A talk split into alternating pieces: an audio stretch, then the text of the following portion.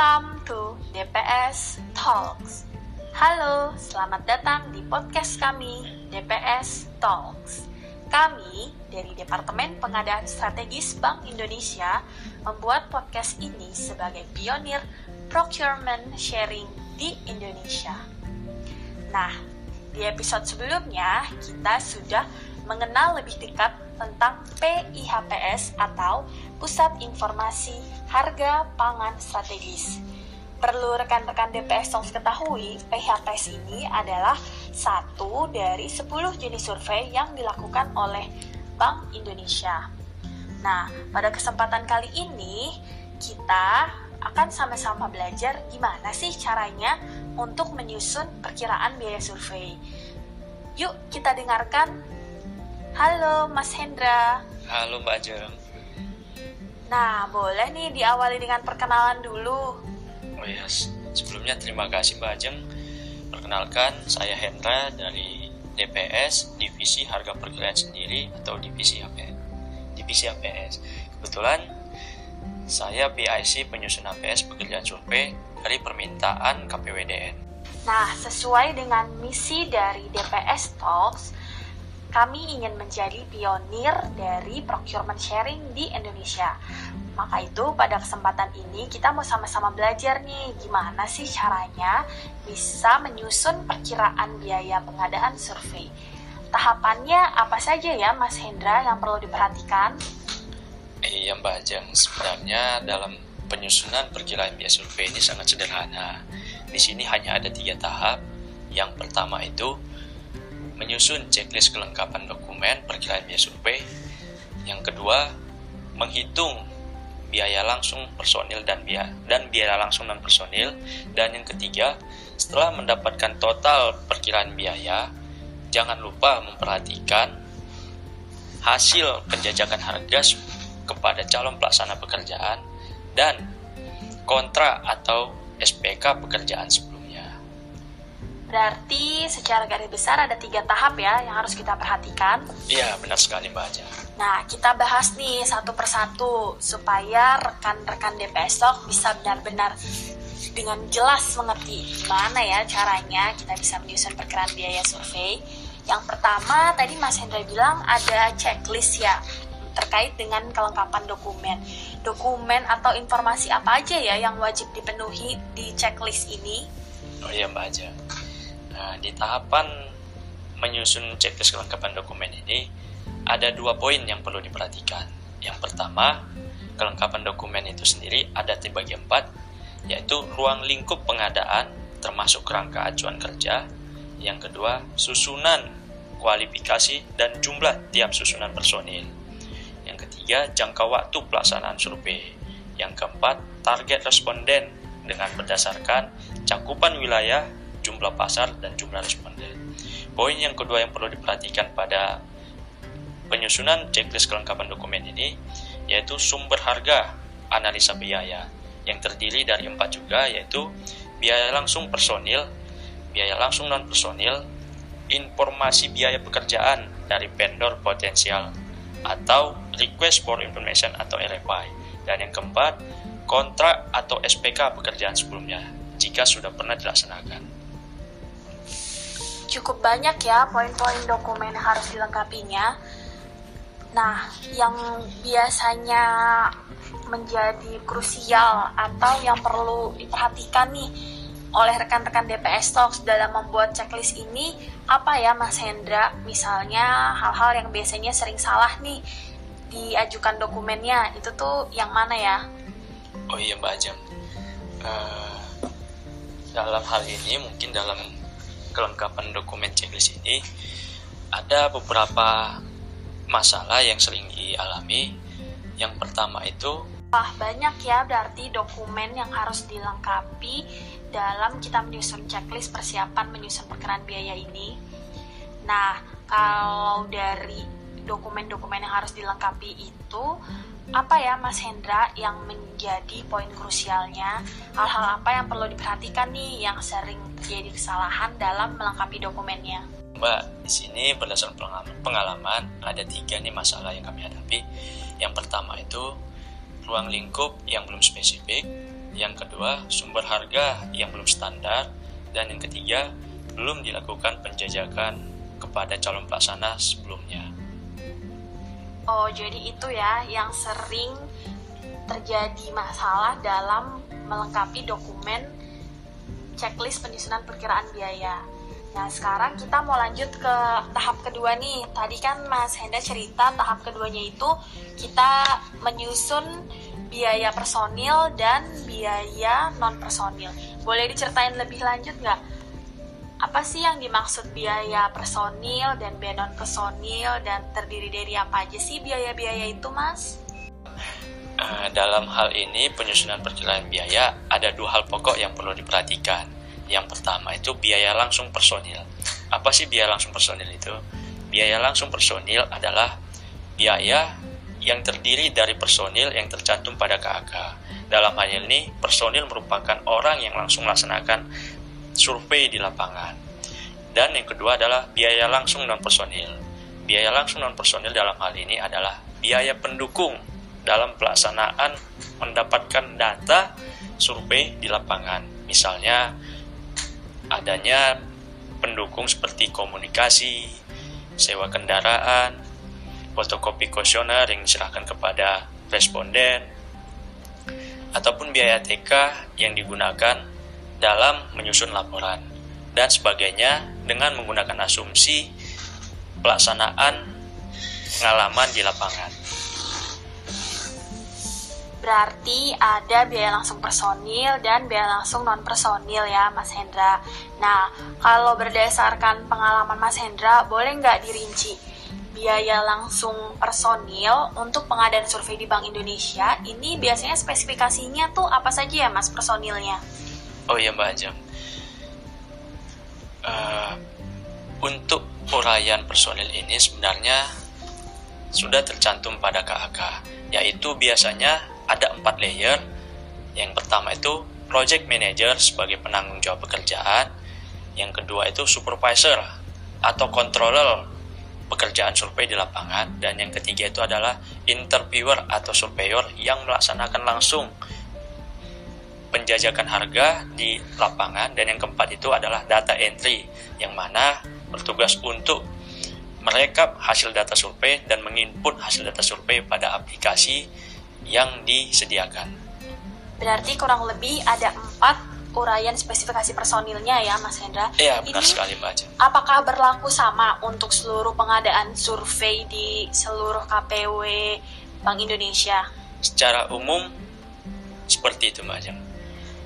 Oke, sekarang kalau biaya langsung non personilnya itu contohnya ada biaya apa saja ya Mas Hendra? Iya, Iya Mbak Ajeng, sebelumnya seperti yang saya sebutkan tadi, dalam hal ini biaya langsung non personil ini adalah biaya pendukung pelaksanaan di lapangan. Misalnya, sewa komputer yang digunakan untuk menginput data hasil survei ataupun membuat laporan. Yang kedua misalnya sewa sewa kendaraan. Dalam hal ini yang digunakan oleh interviewer melaksanakan survei di, kepada di lapangan yang mana biasanya mereka itu berpindah-pindah dari satu tempat ke tempat lainnya. Dan yang ketiga itu misalnya fotokopi kuesioner. Yang ini biasanya digunakan oleh responden oleh surveyor sebagai acuan untuk melaksanakan tanya jawab ataupun penjajakan harga kepada responden. Yang keempat mungkin biaya komunikasi yang biasanya mereka gunakan untuk komunikasi dahulu kepada calon responden.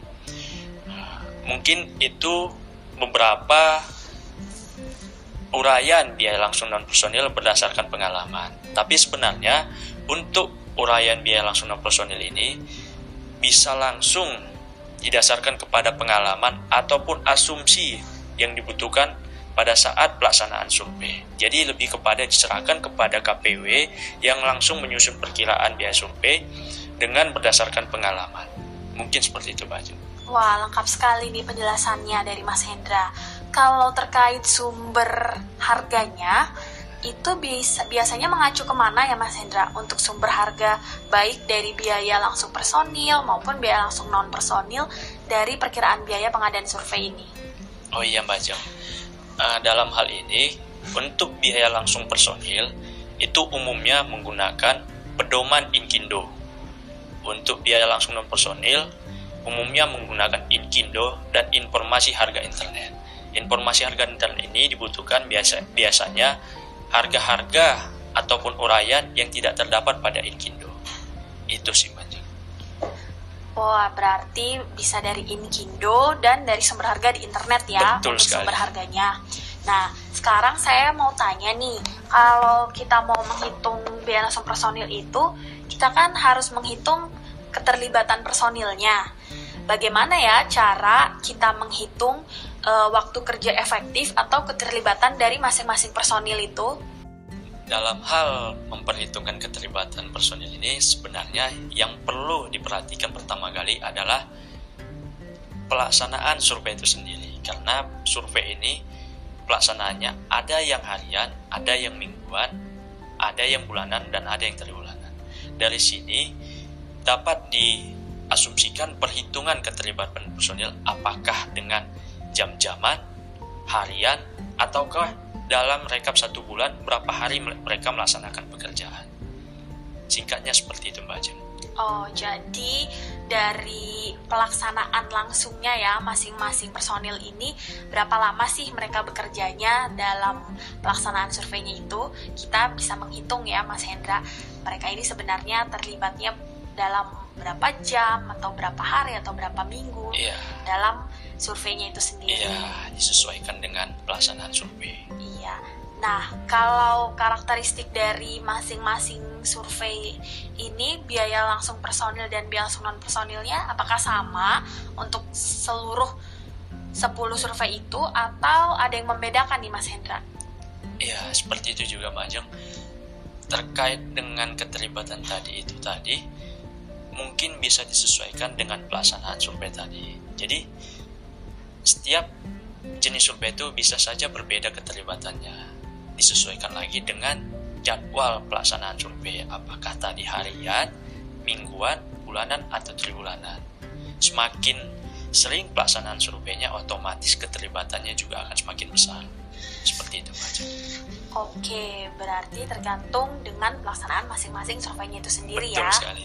Nah, sepertinya di tahap kedua nih kita udah cukup jelas nih ya, rekan-rekan DPS Talks, gimana caranya kita nyusun biaya langsung personil, biaya langsung non personil, apa saja rincian dari masing-masing biaya tersebut, di mana sumber harganya itu bersumber bisa bersumber dari Kindo, dari internet, dan gimana cara kita ngitung keterlibatan personil.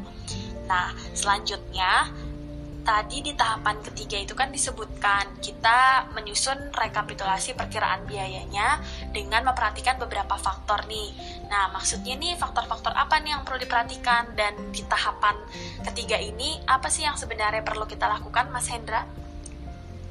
Ya, sebelumnya yang sudah saya sampaikan, ada dua hal yang perlu diperhatikan dalam hal setelah kita mendapatkan total perkiraan biaya. Yang pertama itu, kita sebelumnya harus melakukan penjajakan biaya survei kepada calon pelaksana. Karena dari situ kita akan tahu nih, berapa sih update terkini terkait biaya pekerjaan survei ini. Nah, Dari situ kita akan bisa membandingkan dengan perkiraan yang sudah kita buat. Karena dalam hal ini, jangan sampai kita memperhitungkan lebih besar daripada dibandingkan harga terkini yang ada di pasar. Dua, memperhatikan kenaikan biaya dengan memperhatikan kontrak atau pekerjaan sebelumnya. Mungkin seperti itu Mbak Jen. Udah jelas nih ya, berarti rekan-rekan DPS Talks ada tiga tahapan secara garis besar yang harus kita perhatikan sebelum kita menyusun perkiraan biaya survei. Kita harus siapkan checklist dokumen-dokumen yang dibutuhkan, kita menghitung biaya langsung personil dan biaya langsung personilnya, dan yang terakhir menyusun rekap perkiraan biayanya. Nah, boleh dong sharing Mas Hendra untuk rekan-rekan DPS Talks nih.